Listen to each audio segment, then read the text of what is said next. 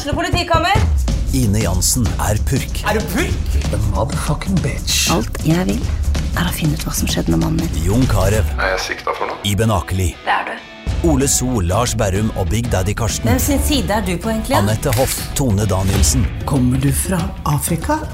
Jørnis Josef, Nesten. Kløfta. Trond Espen Seim, Det er synd å si det, men det var feil mann som døde. Purk. Premiere tirsdag på TV2 Play. Hei, og velkommen til en ny episode av Debrif med Dag Sørås. Man, eh, man har det ikke mer morsomt enn man, eh, enn man gjør det sjøl. Jeg tok meg sjøl i å flire høyt nå, fordi jeg driver og leser denne saken eh, om jeg, ja, for å sitere NRKs i overskrift, en mann tiltalt for å ha etterlyst, i anførselstegn, statsadvokat på plakater i Oslo. På, plakat, på plakater sto det at statsadvokat Geir Evanger var etterlyst og sikta for innførsel av meget betydelige mengder hasj og MDMA. Særdeles ubehagelig, sier Evanger. Og se den plakaten hvor det står Geir Goggen Evanger. Uh, vet da faen hvor kallenavnet Goggen kommer ifra, men bare den ideen om at det skulle bli brukt av politiet. Så det denne fyren har, gjort, da, det her nydelige mennesket, en mann i 40-årene, uh, jurist etter så jeg forstår, og også uh, en av de mer engasjerte i, uh, i rusdebatten i Norge. Han hengte opp plakater av, av Goggen, uh, Gogge, Goggegutten Geir Evanger, og selvfølgelig Altså tidligere eh, eh, Hva han er? Han er jo statsadvokat. Eh, tidligere ikke krenka statsadvokat, nå høyst eh, krenka statsadvokat. Og eh, guggegutt nummer to, politimann Jan Erik Bresil. Eh, og eh, som uh, Og heldigvis så har, har den her nydelige godgutten som har hengt opp de plakatene, med en QR-kode hvor du kan få mer kontekst. Så hvis du, hvis du skanner QR-koden på Goggegutten sin plakat, så kommer du inn til uh, kommer du inn til en artikkel om Da kommer du inn ja, jeg, tror du kommer inn til en artikkel som forklarer eh, eh, sult Altså, hva de kalte det? Var det Operasjon sult? Um, ja, jeg kan lese det står ja, her. På plakaten av Evanger kan du ved å skanne QR-koden komme til Advokatbladets artikkel om den såkalte sultsaken, der politiet brukte ulovlig politiprovokasjon under Operasjon Sult. Flere av de tiltalte ble frifunnet for narkotikakriminalitet. Evanger var en av statsadvokatene som førte saken for retten. Lagmannsretten mente man ikke kunne se bort fra 20 kilo MDMA aldri hadde blitt innført i Norge hvis det ikke var for politiets undercover-agenters eh, involvering i saken. Politiet hadde aldri til hensikt å miste kontroll på saken. Så, så, eh, så Eivanger har altså stått for innføringa, eh, hvor enn indirekte, av, av eh, 20 kilo Molly. Og, og, og skål til han for det. Det er vel en av de bedre tingene han har gjort i, i karrieren sin. Og på plakaten av Jan Erik Bresil, der kunne du skanne deg videre til Rolleforståelsesutvalget, et utvalg som skal granske rolleblanding i Norsk Narkotikapolitiforening-saken. Um, på plakaten sto det også at han var etterlyst, og at han var sikta for ulovlig tvangsmiddelbruk, ulovlig biverv og, ut, og, det å utgi seg for å være fra politiet, som er perfekt, for det er det Norsk Narkotikapolitiforening gjør hele tida. De er en privat interesseorganisasjon, eh, propagandaorganisasjon, eh, og, eh, men de, de, fleste medlemmene er, er aktive eller tidligere politifolk og folk i tolletaten. Og de møter også ofte opp i uniform når de er på jobb for NMPF. Så det her er jo helt upåklagelig eh, og så åpenbar satire. Det er tydeligvis så åpenbar satire at det har ikke lykkes NRK å få kommentar fra Jan Erik Bresil. Eh, og Filter nyheter, som av eh, skammelige årsaker ikke får eh, pressestøtte, de hadde en nydelig leder av, av Harald Klungtveit, hvor han bare skriver for jeg lurer på, er det den samme Jo, jo. det er faen meg rart hvordan man kan lese noe, og så ender du opp med å begynne å flire såpass at du får faen ikke med deg. Men jeg tror det er på den paragraf 185. Uh, skal vi se her uh, du, du, du, Evanger vil i hvert fall ha 50 000 kroner. Nei, uh, tiltalt etter straffelovens paragraf 266 om hensynsløs atferd. Men det sto da et eller annet om, uh, om Antonsen. Ja, den, det her er eh, lovordet, da. Den som ved skremmende eller plagsom opptreden eller annen hensynsløs atferd forfølger en person på Eller på annen måte krenker en annens fred, straffes med bot eller fengsel. Altså, den som ved skremmende eller plagsom opptreden eller annen hensynsløs atferd forfølger en person eller på en annen måte krenker en annens fred, straffes med bot eller fengsel inntil to år. Og så står det de siste to ukene av bestemmelsen vært mest, kjent, vært mest kjent for å være den eh, Bent Hulsker er kjent å ha brutt, og en av de to paragrafene statsadvokaten ikke mente Atle Antonsen kunne tiltales etter. Det andre var da 185, såkalte rasismeparagrafen. Eh, men det, det, er bare, det er bare eh, jævlig gøy. Og som, som eh, Klungtveit påpeker, eh, det her faller inn under det som Norges grunnlov kaller frimodig ytring om statsstyret. Eh, skal vi se, så er her et sitat. Selv om noen skulle ha tatt etterlysningene for god fisk, dreier det seg i hvert fall ikke om folk som har kjennskap til Bresil eller vanger, så det er uklart hva slags skade de egentlig kan være påført. Det her minner meg faen meg om, eh, om Larry Flint. Så jeg husker en, eh, Det var en jævlig bra film med Woody Harrelson og Courtney Love.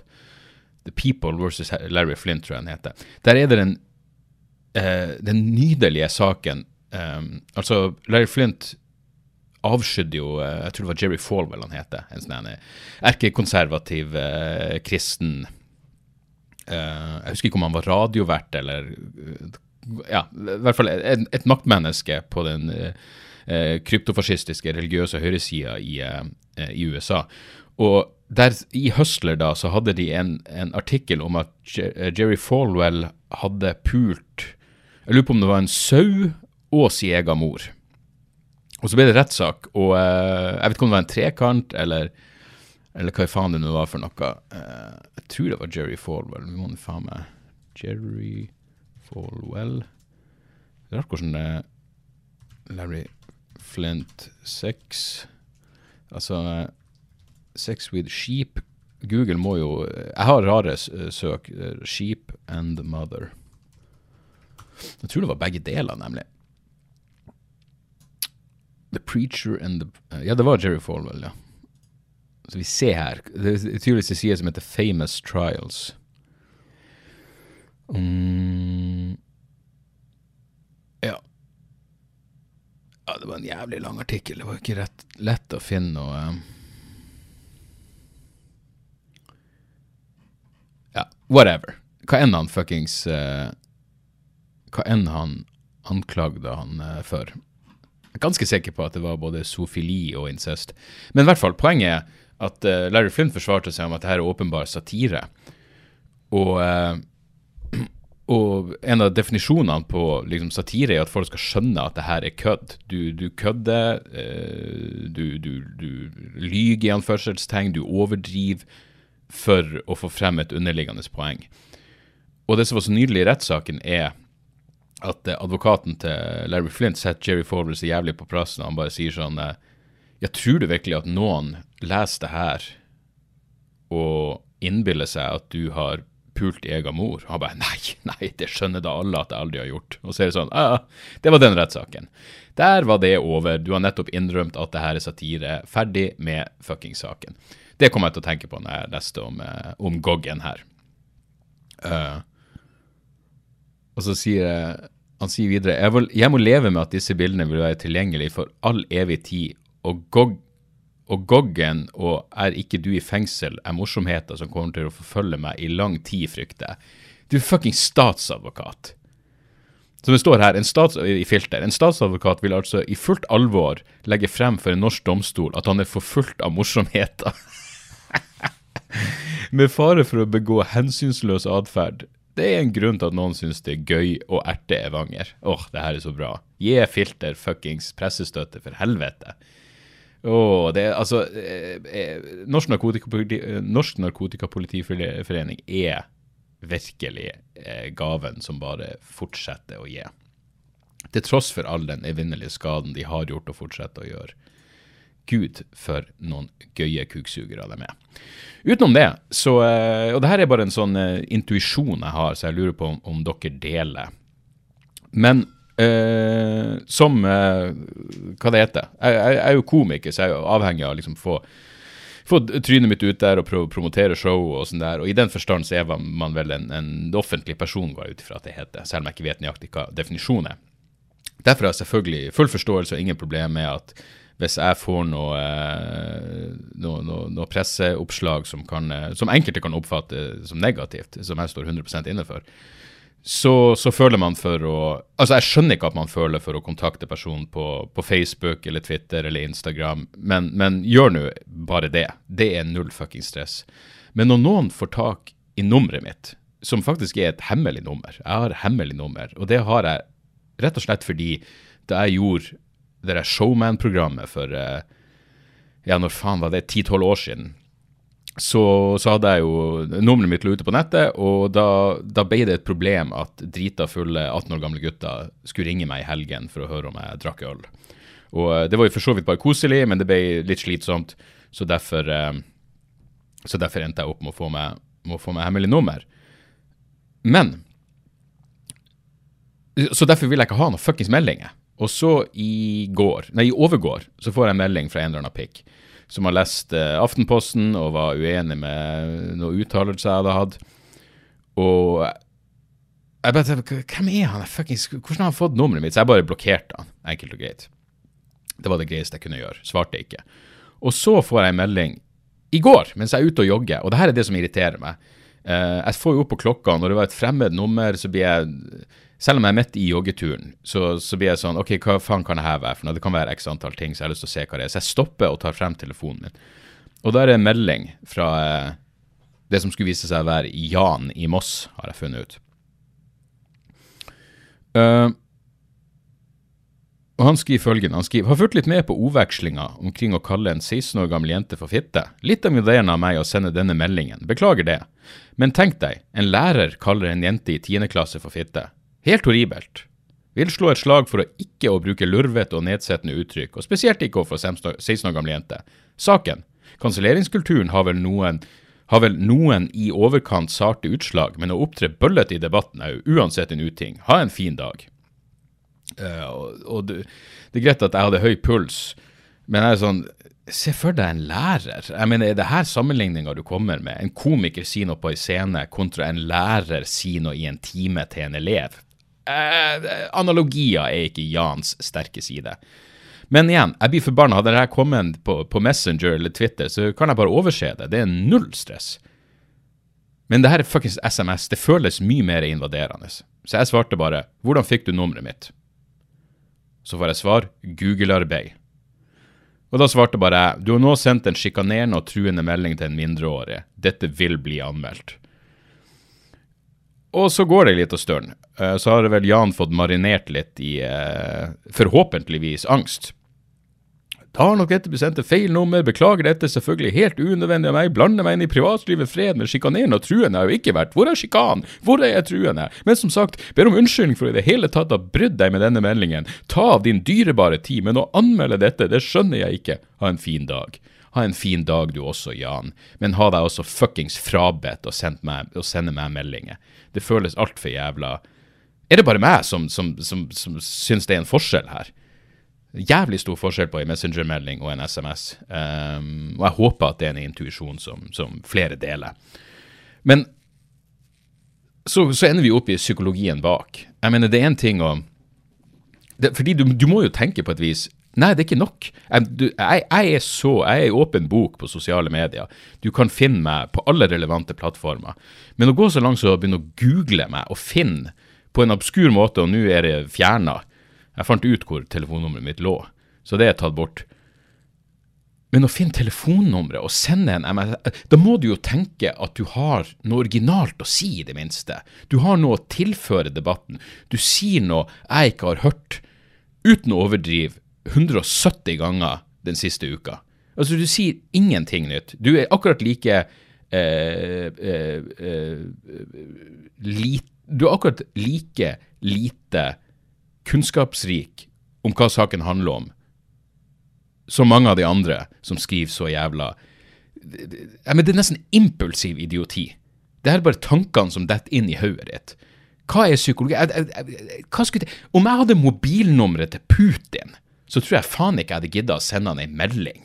Jeg tror ikke jeg hadde giddet å skrevet til Putin. Du, det her å invadere et selvstendig nasjon og drepe og voldta over en lav sko, nei, vet du, det, det burde du holdt deg for god for, Vladimir. Hilsen Dag på Manglerud. Nei. Det her er det folk vil. De vil at du skal be om unnskyldning når du ikke har noe å be om unnskyldning for. Da er det viktig å huske på uh, Spør enhver jævla Jeg vet da faen. Uh, politimann, FBI-agent, hva enn. Hvis noen prøver å kidnappe deg, hva er det siste du skal gjøre? Du blir ikke med til en ny beliggenhet. Fordi når kidnapper sier 'bare bli med meg', kom med meg, om de så setter en pistol mot deg, så er det faen meg bedre Det er bedre å bare springe. Uh, fordi Hvis noen har tenkt å kidnappe deg for å gjøre noe med deg, så blir, det er det ikke sikkert at de skyter deg der og da. De vil ha deg med til en ny beliggenhet, så de kan gjøre hva de vil med deg. Og Poenget med kidnappinga er ikke Altså, poenget er å få deg med til neste nivå. Og sånn er det med når folk skal i offentlig unnskyldning også. 'Å, du må legge deg flat'. Det, det, det, det, er ingen som vil godta det. Det er ikke fuckings poenget med denne typen saker. Det handler ikke om å, at man skal be om unnskyldning, og så skal man eh, eh, da, da, da, kommer det bare en ny runde med idioti og prinsippløshet. Så, eh, så, nei, ikke faen. Utenom det, så er jo eh, det er jo noe med å ha med, med pressa å gjøre. Jeg fikk, jeg, jeg fikk, en mail fra en hyggelig journalist i, i Aftenposten som, som, lurte på om jeg ville uttale meg om en sak som handla om eh, Ja, det var vel egentlig rasistisk humor. Og så, så, han sender meg eh, en forespørsel, og det er sånn som ville vært lett, men han, han, la med noen linker til noen studier. Uh, og da tenkte jeg ja, det her er jo mer interessant. Her, det, jeg, jeg, vil heller uttale meg om det her enn et fuckings tåpelig oppstyr over en gammel vits. Uh, så jeg så på, på forskninga han sendte meg, og så ble jeg litt sånn Fordi på, Altså, uh, kort fortalt så vi ser for artikkelen er ute nå. Overskrifta er 'Når kan humor gjøre dårlige holdninger verre'? Fungerer humor som en ventil, eller gjør den diskriminering verre? Forskning viser at selv antirasistisk humor kan forsterke rasistiske fordommer. Og det er egentlig hele poenget. Antirasistisk humor kan forsterke rasistiske holdninger. Som betyr, hvis en komiker går opp på scenen og forteller antirasistiske vitser, og det er rasister i salen, så kan rasistene misforstå vitsene og bli mer rasistisk. Og så er det selvfølgelig så jævla kategorisk. Dette sier forskninga. Poenget mitt var forskninga sier absolutt alt. Forskninga sier at antirasistisk humor kan gjøre rasister mer rasistisk, den kan være nøytral, og den kan hjelpe mot rasisme. Det er det forskninga sier. Så det blir nesten meningsløst å, å uttale seg. Så jeg, jeg prata med han journalisten i over en halvtime, og det var en veldig rotete prat, eh, prat syns jeg, fordi jeg, jeg skjønte egentlig ikke hva jeg skjønte egentlig ikke hva poenget med artikkelen var. Så jeg, jeg, dro jo frem det replikasjonskrisa, at det er så mye særlig sosialpsykologi av eksperimenter som ikke lar seg gjenta, eh, som betyr at de har de har egentlig ingen verdi. Og pluss at når du finner forsknings... Nei, når, når, raske Google-søker gjør at du finner forskningsartikler om det her som sier det ene eller det andre og er midt på treet OK, da, da, er det vanskelig å Men poenget mitt var jo bare at la oss si det var sant at antirasistisk humor gjorde rasister mer rasistisk. Betyr det at komikere da ikke kan fortelle antirasistisk humor? Eh, at komikere ikke kan fortelle antirasistiske vitser? Det ville jo vært helt fuckings absurd. Da kan vi jo bare legge ned humoryrket. Da er det ikke noe vits i. Eh, hvorfor skal man tilrettelegge for de lavestående fuckings tenkerne i salen? Uh, da må det være mye bedre for det, for det, er jo noe som ofte eh, trekkes frem som positivt om komikere når de ikke undervurderer publikummet sitt. Jeg kan ikke gå ut på scenen og regne med at det er en masse rasister i publikum. Da må jeg bare finne meg en annen å gjøre. Hvis jeg plutselig bare har rasister i publikum, da, selvfølgelig, da har jeg gjort noe jævlig galt. Uh, og da, da, måtte jeg jo selvfølgelig også gått i meg sjøl. Men at det er en eller annen fordomsfull dildo i, i publikum, det er jo nesten ikke til å unngå. Men det kan jo ikke gå Det kan jo ikke påvirke hvordan jeg skriver vitser. Uh, og en ting som ikke kom med i, i artikkelen, men som jeg eh, faktisk eh, om, om, jeg skal være så eh, eh arrogant, syns var et godt poeng, er at eh, Fordi journalisten sa til meg sånn Det her handler jo egentlig om Atle Antonsen-saken, så hva sier det her? Bare, det her sier ingenting om Atle Antonsen, det, det, det, er ingen sammenheng mellom det det pisset jeg anklages for, og Atle Antonsen-saken. Eh, så Så, men Etter å ha tenkt litt, så måtte jeg si det, det faktisk relevansen eh, mellom denne forskninga og Atle Antonsen-saken er jo følgende. Atle Antonsen gikk ut og, og sa, og, beklaga, og sa at eh, det her var et forsøk på humor som kom helt feil ut. Jeg burde ikke ha sagt det. Eh, Golden går ut og sier det her var rasistisk. Eh, Atle er ikke en rasist, men det han, det han sa, var rasistisk. Så eh, fuckings, for en idiotisk blemme, og la oss holde fokuset på, på offeret i saken, som er Sumaya. Allikevel, rasister tok de her utsagnene til inntekt for sine vrangforestillinger. Og mente at her må man ha lov til å si det, der var det helt greit, nei, nå har den PK-kulturen gått altfor langt. Det understreker jo poenget, ikke sant? Rasister skjønner ikke. Rasister sin virkelighetsforståelse er ikke i akkord med andre mennesker sin virkelighetsforståelse. Rasister kan høre Atle Antonsen si det der skulle jeg ikke sagt, og tenke det er bra at han sa det. Så i den forstand så er det jo faktisk eh, et poeng til forskninga som mener at antirasistisk humor Nei, altså som, som mener at, eh, at eh, rasister egentlig kan ta hva som helst til inntekt for sitt for sin ideologi og sine eh, forskrudde overbevisninger. Så eh, Men du ender bare opp med en sånn sak hvor det er sånn Ja, det, det er egentlig ikke det media vil ha. De vil ikke ha noen som prøver å, ha noen form for nyansert syn på det her. Eh, du skal helst bare si ja, nei, men da må man bare slutte. Da må man slutte med antirasistisk humor, fordi det kan jo gjøre rasister mer rasistiske. Og så er det jo også noen av de ene påstandene eh, i artikkelen som, som har kommet frem tidligere. Blant annet står det uh, flere funn bygger opp står det blant annet sjåvinistiske menn selvrapporterer høyere tilbøyelighet til å voldta kvinner etter å ha hørt kvinnediskriminerende vitser, spesielt når de blir fremført av kvinner. Og så linker de til en artikkel, nei, til en, eh, en studie fra 20 Skal vi se eh, 2016, tror jeg. Ja. Sexist humor and rape proclivity. Altså kjønnsdiskriminerende vitser og tilbøyelighet til å voldta. The moderating role of joke teller uh, The moderating role of joke teller gender and severity of social, uh, sexual assault. Problemet er jo at det, Aftenposten linker til en artikkel som er bak en uh, ganske stiv betalingsmur. Så jeg vet ikke om Aftenposten sjøl har lest studien. Men i den originale mailen som jeg fikk, så var det jo en link til en um, en artikkel i, på en side som, heter, som er veldig bra, som heter The Conversation. Og der linka de i det minste til en Kødder du? Nå forsvant fucking studiet akkurat foran øynene mine fordi jeg har en VPN på. Helvete. Ja, der, der, der linker de til en studie som heter Why did the woman cross the road? The, the effect of sexist, sexist humor on men's rape proclivity. Og det her er en studie fra 2013. Og eh, her er grunnen til at du kan bli litt skeptisk til, eh, til funnene. Så, så det de da gjorde, var uh, Her er deltakerne. 96 mannlige studenter fra The University of Kent. Ok? Det er under 100 stykker. Alle er mannlige studenter fra ett spesifikt universitet. Og så står det eh, aldersspennet på de involverte var fra 18 til 40 år, men 86,5% av dem var 25 år eller yngre. Og det de da gjorde, var at de, de har fortalt, eh, fortalt dem vitser. Først må du spørre noen, og det her er jo også interessant, hvor tilbøyelig er du egentlig til å voldta? Og så finner det kort fortalt ut at de som har tilbøyeligheter for å voldta, eh, etter å så, så de forteller dem eh, vitser. Eh, ikke kjønnsdiskriminerende vitser og kjønnsdiskriminerende vitser. Og bare for å se hvilket nivå vi ligger på her, så klarte jeg å finne For det, det irriterte meg at det ikke var noen eksempel på vitsene som ble fortalt, eh, men det lå jo i eh, appendikset. Skal vi se her. Så her er et eksempel på en av de ikke-sexistiske vitsene. Psychiatrist. What's your problem? Patient. I think I'm a chicken.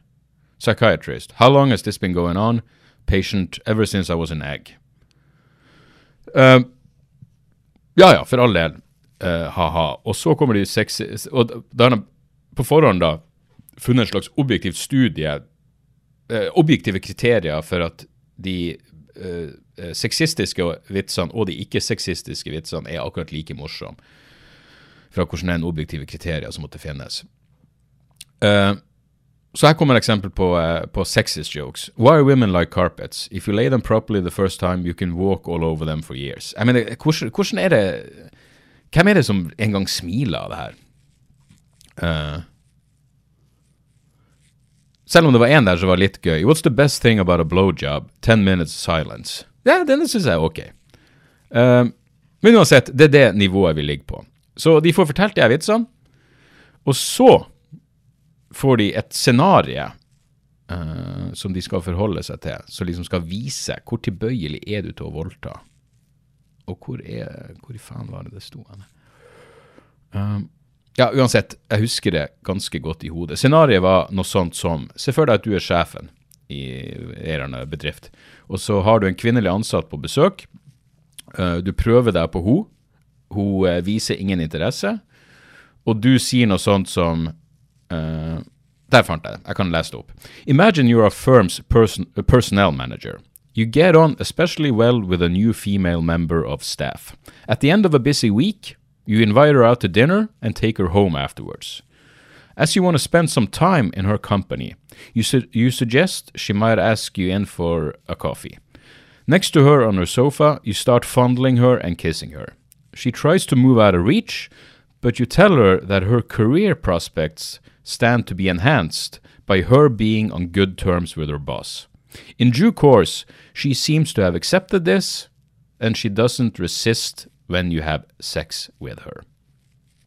Ok. Og så står det Participants were then asked to imagine them themselves in the same position as the man in the scenario and answer the question Would you have behaved like this in this situation? Så er det ikke i det hele tatt, rather not, don't know, rather yes, very much.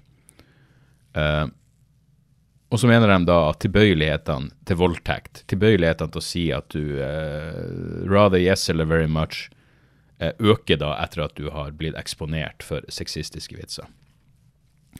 Så er det selvfølgelig flere spørsmål. Uh, er det her voldtekt? Det er jo et av de spørsmålene. Jeg skjønner jo absolutt at det er en, en maktimbalanse, eller hva faen det heter for noe. altså, så Du har som personell manager atskillig mer makt over denne nye nye arbeidstakeren. Det er ingen tvil om at du er et fuckings grusomt rasshold hvis du sier noe sånt. Så, så jeg, kan, jeg, kan, gå med på uh, at, at, man kaller det her en form for, for voldtekt. Så, så, så, det er ikke der skoen trykker. Uh, men du må jo spørre deg sjøl. For det første, hvem er de som, som svarer at de For det, det, det, begrepet som går igjen, er HS. Det er hostile sexism. Um, er, så du må jo stole på hvor selverklært, altså selverklæringa til de her folkene, eh, hvor god er den? Uh, ja. Uh, så vi ser An analysis of variance indicates that the sexist jokes were perceived as being slightly funnier than the non-sexist jokes. Uh, men det, det, nådde ikke noe statistisk signifikans. Uh, her kommer du egentlig inn på det der. Faen, det slår meg jo. Det er en fyr som heter Joseph Henrik, som skriver bok som heter Weird. Og det har vært, eh, det har vært en av eh, kritikkene av eh, psykologistudiet. Nemlig at alle de involverte i denne typen sosialpsykologi kommer fra um, uh, uh, hva det er, uh, vestlige, utdanna, industrielle, rike, demokratiske land. Så når du går inn på et universitet i Kent, ikke det i uh, Storbritannia, uh, og spør primært student, mannlige studenter som er under 25 år, hva de ville gjort, uh, her, og her er det snakk om under 100 stykker til sammen, så er det ikke sikkert det gir et Så er det ikke sikkert at det gir et godt inntrykk av menn generelt. Det er vanskelig å vite hvor mye du kan generalisere ut ifra det her. Men et annet poeng er jo at hvor mye, hvor mye av den der type vitser er det egentlig? Eh, og, og, og, mye av det de refererer til eh, for å legge det teoretiske grunnlaget for studien, er fra 80-tallet. Eh, og denne studien er vel da sitert 14 ganger, noe sånt, kanskje det var 21 ganger, rundt der. Um, jeg vet ikke om den er replikert eller noen ting. Og for all del, kanskje det, det er masse i det her, eh, men, men, hvem er det som har sånne vitser nå?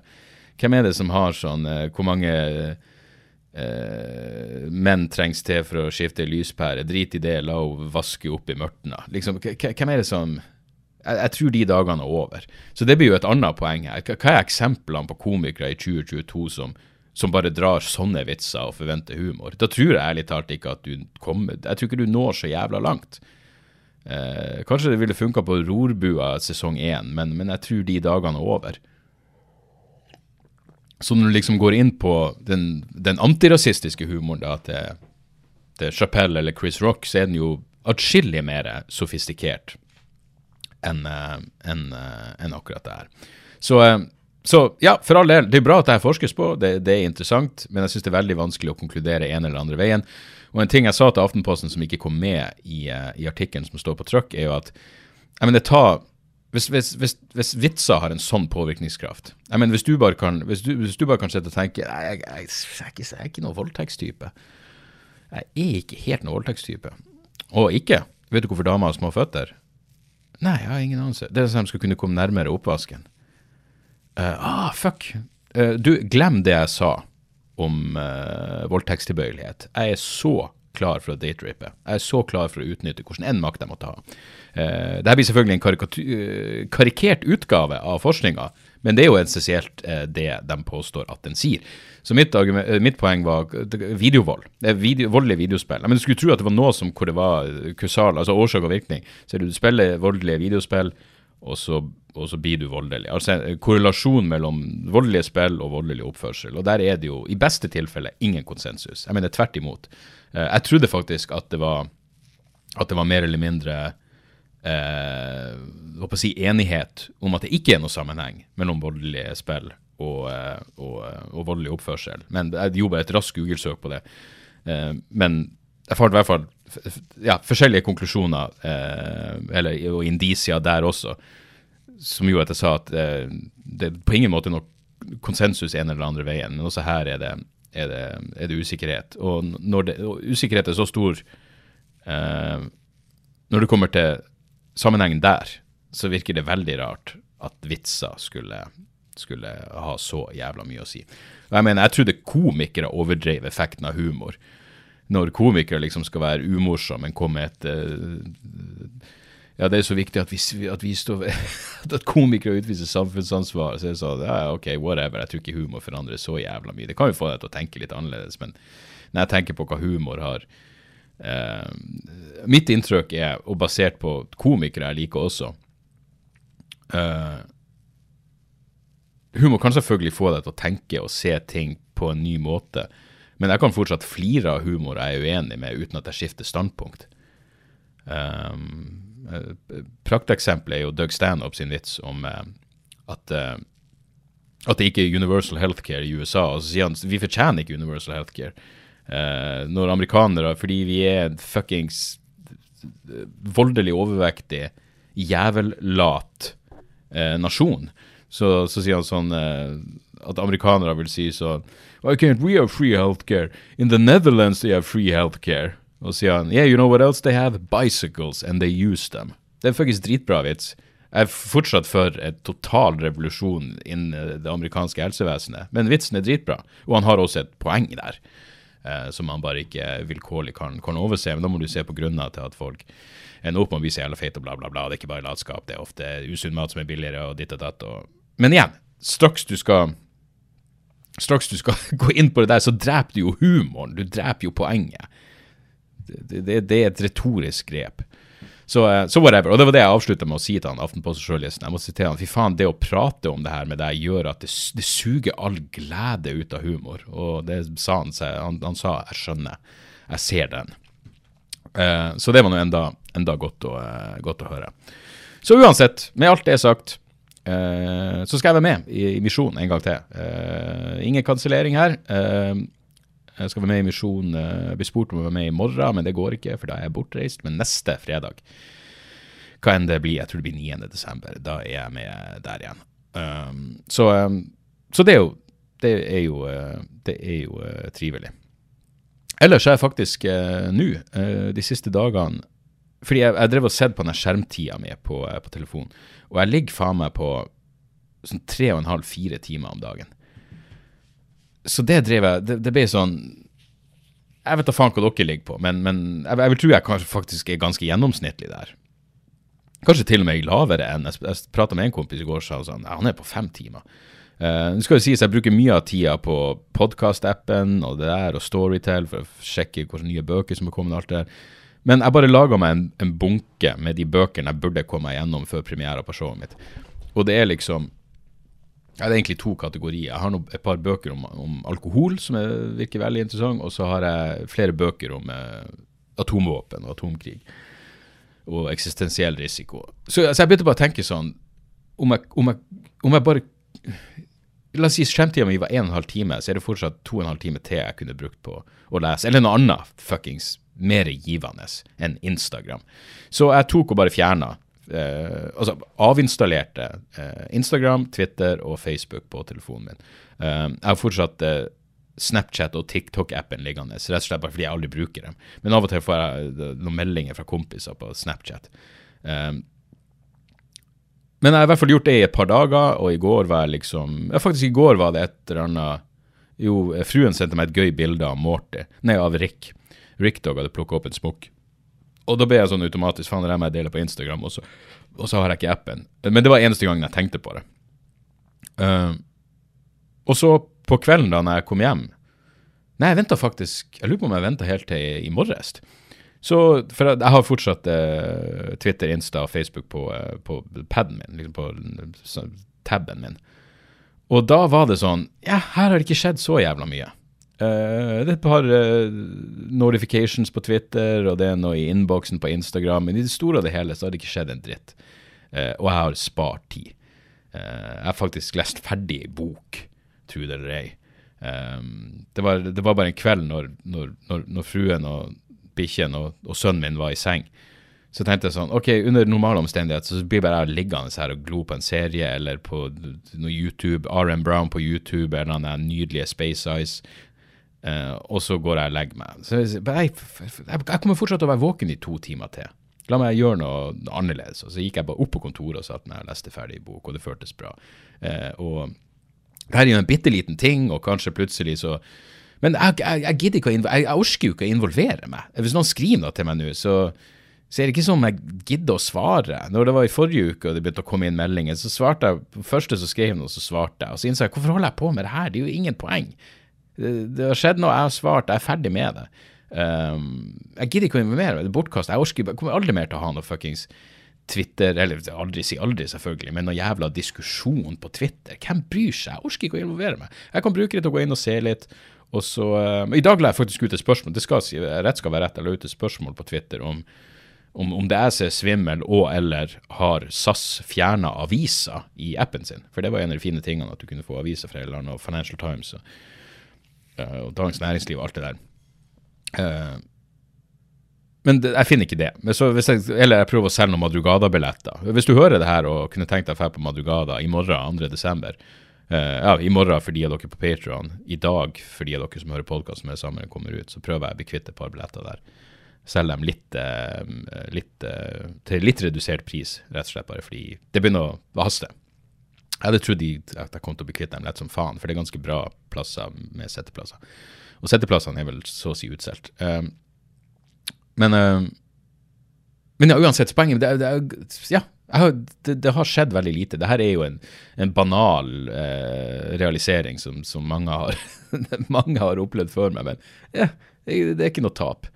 Um, og du får litt mer fokus på, på andre ting. Eh, og så takk til de som uh, påpekte meg at det finnes faktisk et kort over diamant. Var det ikke Pandion det heter?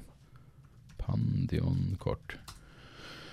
Uh, de beste SAS-kundene kunne reise 400 ganger gratis til USA. Det finnes også Ja, Pandion, uh, Insideflyer.no har en greie om Pandion-kort. Uh, men det var, uansett hakket over, over diamant. Og til han, hvem enn det var som anklagde meg for å være en elitefyr fordi jeg tok meg et par å si, trivielle turer til Stockholm og København bare for å få det diamantkortet. Hvis jeg får et Pandion-kort, da kan du med. Da blir jeg kalle meg sjøl en fuckings elitist. Men det kommer aldri til å skje. Eh, og frem til da så er jeg bare en fyr som eh, liker å komme lettest mulig fra A til Å.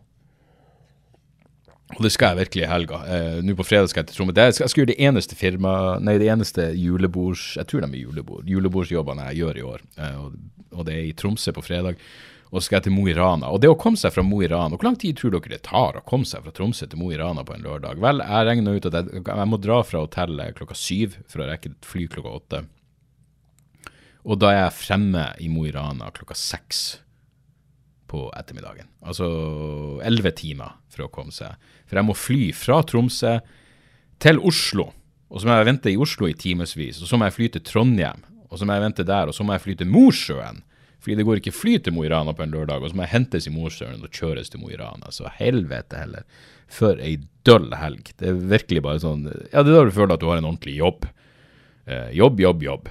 Sånne konferansiergreier som tar timevis. Men eh, det er hyggelig å få, uh, få inn litt cash før jul, fordi uh, gudene skal vite, jeg er ikke blant de, jeg, er ikke blant de komikerne som drar inn halvparten av årslønna si i julebordsesongen. Fordi nå har jeg inntrykk av at det er litt mindre julebordsjobber på komikere i år enn enn liksom normalen pre-pandemi.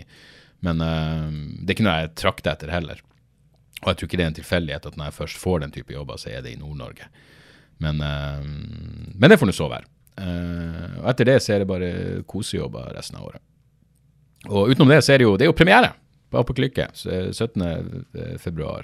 Førpremiere Finnsnes 16. februar, og alt av billettlinker osv. osv. osv. ligger på dagsoras.com eller apokalykke.no. Så jeg gleder meg noe jævlig til det, og showet kommer absolutt til å bli noe. I går så var jeg nede i en kjeller på uh, fuckings Grünerløkka foran 15 stykker og testa ut noe. Og der er det sånn, hvis du får noen form for respons på noe, så er det sånn Ja, det her er en keeper. Det her kan bli noe. For de der folkene, det, det var ikke det var ikke, stem, det var ikke hæla i takestemninga på, på, på noen som helst eh, noen som helst måte. Så ja, da er vi jo faen meg oppe i eh, 41 minutter, så da tror jeg bare vi drar det her i land, for helvete. Så skal jeg fære og Jeg tror jeg skal fære og kjøpe noe, noe sushi. Det er min store plan. Jeg har vært på en sånn jævla PJ Harvey-binge denne uka. Bare hørt, eller ikke bare hørt på, men jeg har hørt jævlig mye på PJ Harvey. Satan, det er altså så jævlig bra. Og jeg lurer på om PJ Harvey faen meg er den beste Det er helt sinnssykt å skulle si at den beste lyden jeg har hørt på en konsert, var i Oslo Spektrum, men jeg tror faen meg det. Og det var på, eh, på PJ Harvey. Det var også Dagen etterpå hadde jeg en Jeg lurer på den verste bakfylla jeg hadde, kanskje. Eh, da hadde jeg vært hjemme hos min, min venn Gråbein og drukket noe hjemmebrygga øl som han hadde laga. Det var jo faen meg som han hadde satt Tequila rett inn i hovedpulsåre. Det var altså eh, Det var røft. Røft, røft, røft dagen derpå. Så må jeg også nevne, eh, med faktisk eh, Det her går jo på akkord med alt jeg egentlig sa, men jeg så noe jævlig gøy på Twitter når jeg først var inne der. Så var det noen som bare la ut en sånn eh, prorussisk Altså, det var en sånn plakat for å få folk til å verve seg i det russiske militæret, etter så jeg forsto. Og så var det noen som skrev et eller annet galt med denne plakaten, og der er et bilde av Sasha Grey. Eh, og de som vet, de vet. Sasha Gray er en, en av de mer utagerende i tillegg til eh, modellvakre eh, porrstjerne vi har hatt i den vestlige verden. Eh, og jeg, ja, jeg lurer på om hun blir å involvere seg, for jeg, jeg tviler på at, at hun har godkjent at hennes vakre anlete skal, vakre anlete skal brukes for å rekruttere eh, fuckings moralsk svekka russere til å verve seg i militæret og dra til Ukraina og, og, og, og skyte og herje. Eh, men ja, det var det. Et par tips på slutten. Uh, jeg så en jævlig fin dokumentar som heter 21 Years Tarantino. Så var rett og slett en fin gjennomgang av eh, Tarantinos karriere med nye intervju. jeg tror den er fra 2019. Eh, mye interessant om ja, sånne innsideinfo. Og, og nå er jo faen meg både Reservoir Dogs og Pulp Fiction ute i 4K. Yes. Så det er jo bare å, bare å glede seg nå så inn i helvete til. Så uh, 21 Years Tarantino, jeg tror det er den heter, uh, dokumentar. Det er mulig den faktisk har vært med på en eller annen sånn Tarantino-boks som kom, men det er jeg ikke helt sikker på, for jeg har ikke den uh, Jeg har alle Tarantino-filmer, tror jeg, i hvert fall de fleste i fysisk uh, format på Blu-ray, men uh, ikke den dokumentaren. Boka jeg leste, som jeg vil anbefale Det er sånn som jeg begynte på, og så glemte jeg helt av. Den er ikke engang tjukk, den er under 200 sider. 180 sider eller noe sånt. Men den er litt tunglest. Den er ikke så, jeg vet ikke om den er bra skrevet. Jeg vil gå så langt som å si at den er ikke særlig bra skrevet. Den er middels skrevet, men innholdet er interessant. Det er bok som heter Know It All Society. Truth and Arrogance in Political Culture av Michael Patrick Lynch. Som for øvrig er en vinner av George Orwell-prisen, som høres ganske fancy ut. Um, så ja, det så, liksom de tre hovedideene hans er at man har uh, overconfidence in our knowledge, tribal politics uh, altså, Lynch delves deeply into three core ideas that explain how we're gotten to where we are. Hvor vi er uh, rett og slett en, en overflod av uvitende bedrevitenhet. Overconfidence in our knowledge, tribal politics that feed off this tendency, and the spread of those politics of arrogance and blind conviction through the outrage factory of social media. Så det høres ut som ting mange går og tenker på, men han har liksom en sånn teoretisk og tidligvis filosofisk tilnærming til det hele, som, som jeg i hvert fall likte. Uh, så er det jo et faktum nå at uh, helvete, man glemmer ting fort, men jeg har gjort Jeg vil anslå 30 merkinger. Altså, jeg merker jo underveis, og så streker jeg under eh, ting som er interessant som jeg vil gå tilbake til. Men eh, den her er så fragmentert i hodet mitt fordi jeg har lest den sikkert over et halvt år i ny og ne, og så ble det bare sånn ja, det, her ble en sånn bare la meg lese den ferdig fordi det er en god følelse å bli ferdig med noe, og så innser du hm, hvor mye husker jeg egentlig? Eh, så da må jeg gå tilbake og se litt på, eh, se litt på det. Jeg er ikke helt der han er eh, Å, hva han heter Ryan Eller Ryan Holiday? Jeg tror det er Ryan Holiday. Han som skrev 'Ego is the enemy'. Abonner på den podkasten hans, tror jeg. Eh, Stoicism-podkasten. Stoic, Daily Stoic-podkast. Uansett, han hadde en video på, eh, på YouTube om eh, sitt lesesystem, hvor han streker under. Altså Når han leser boka, så streker han under og gjør notater i selve boka. Og når han er ferdig med boka, så velger han ut de beste og mest relevante sitatene, så skriver han dem på et sånn uh, notecard. altså Han skriver dem ned uh, fysisk, skriftlig, for hånd. Og så sorterer han dem inn i de forskjellige emnefeltene. Og så setter han det liksom, Den boka har uh, Her er alle de kortene relatert til den boka. det faller vel i høyeste grad inn under kan jeg kalle det dyp lesing. det høres bare litt for tidskrevende ut for meg. Men det er gøy å bare dra frem en bok du leste for mange mange år siden, og så bare se hva var det jeg beit meg merke i, hva var det jeg streka under? Eh, hva var det jeg følte var relevant for en eller annen vits jeg skulle fortelle, eller faen vet. Eh, så uansett, Know It All Society av Michael Patrick Lynch kan, eh, kan anbefales. Og så uh, er det ei, ei skive.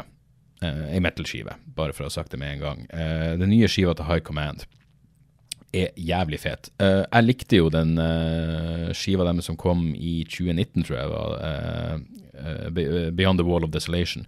Men den nye skiva heter Eclipse of the du Jewel Moons.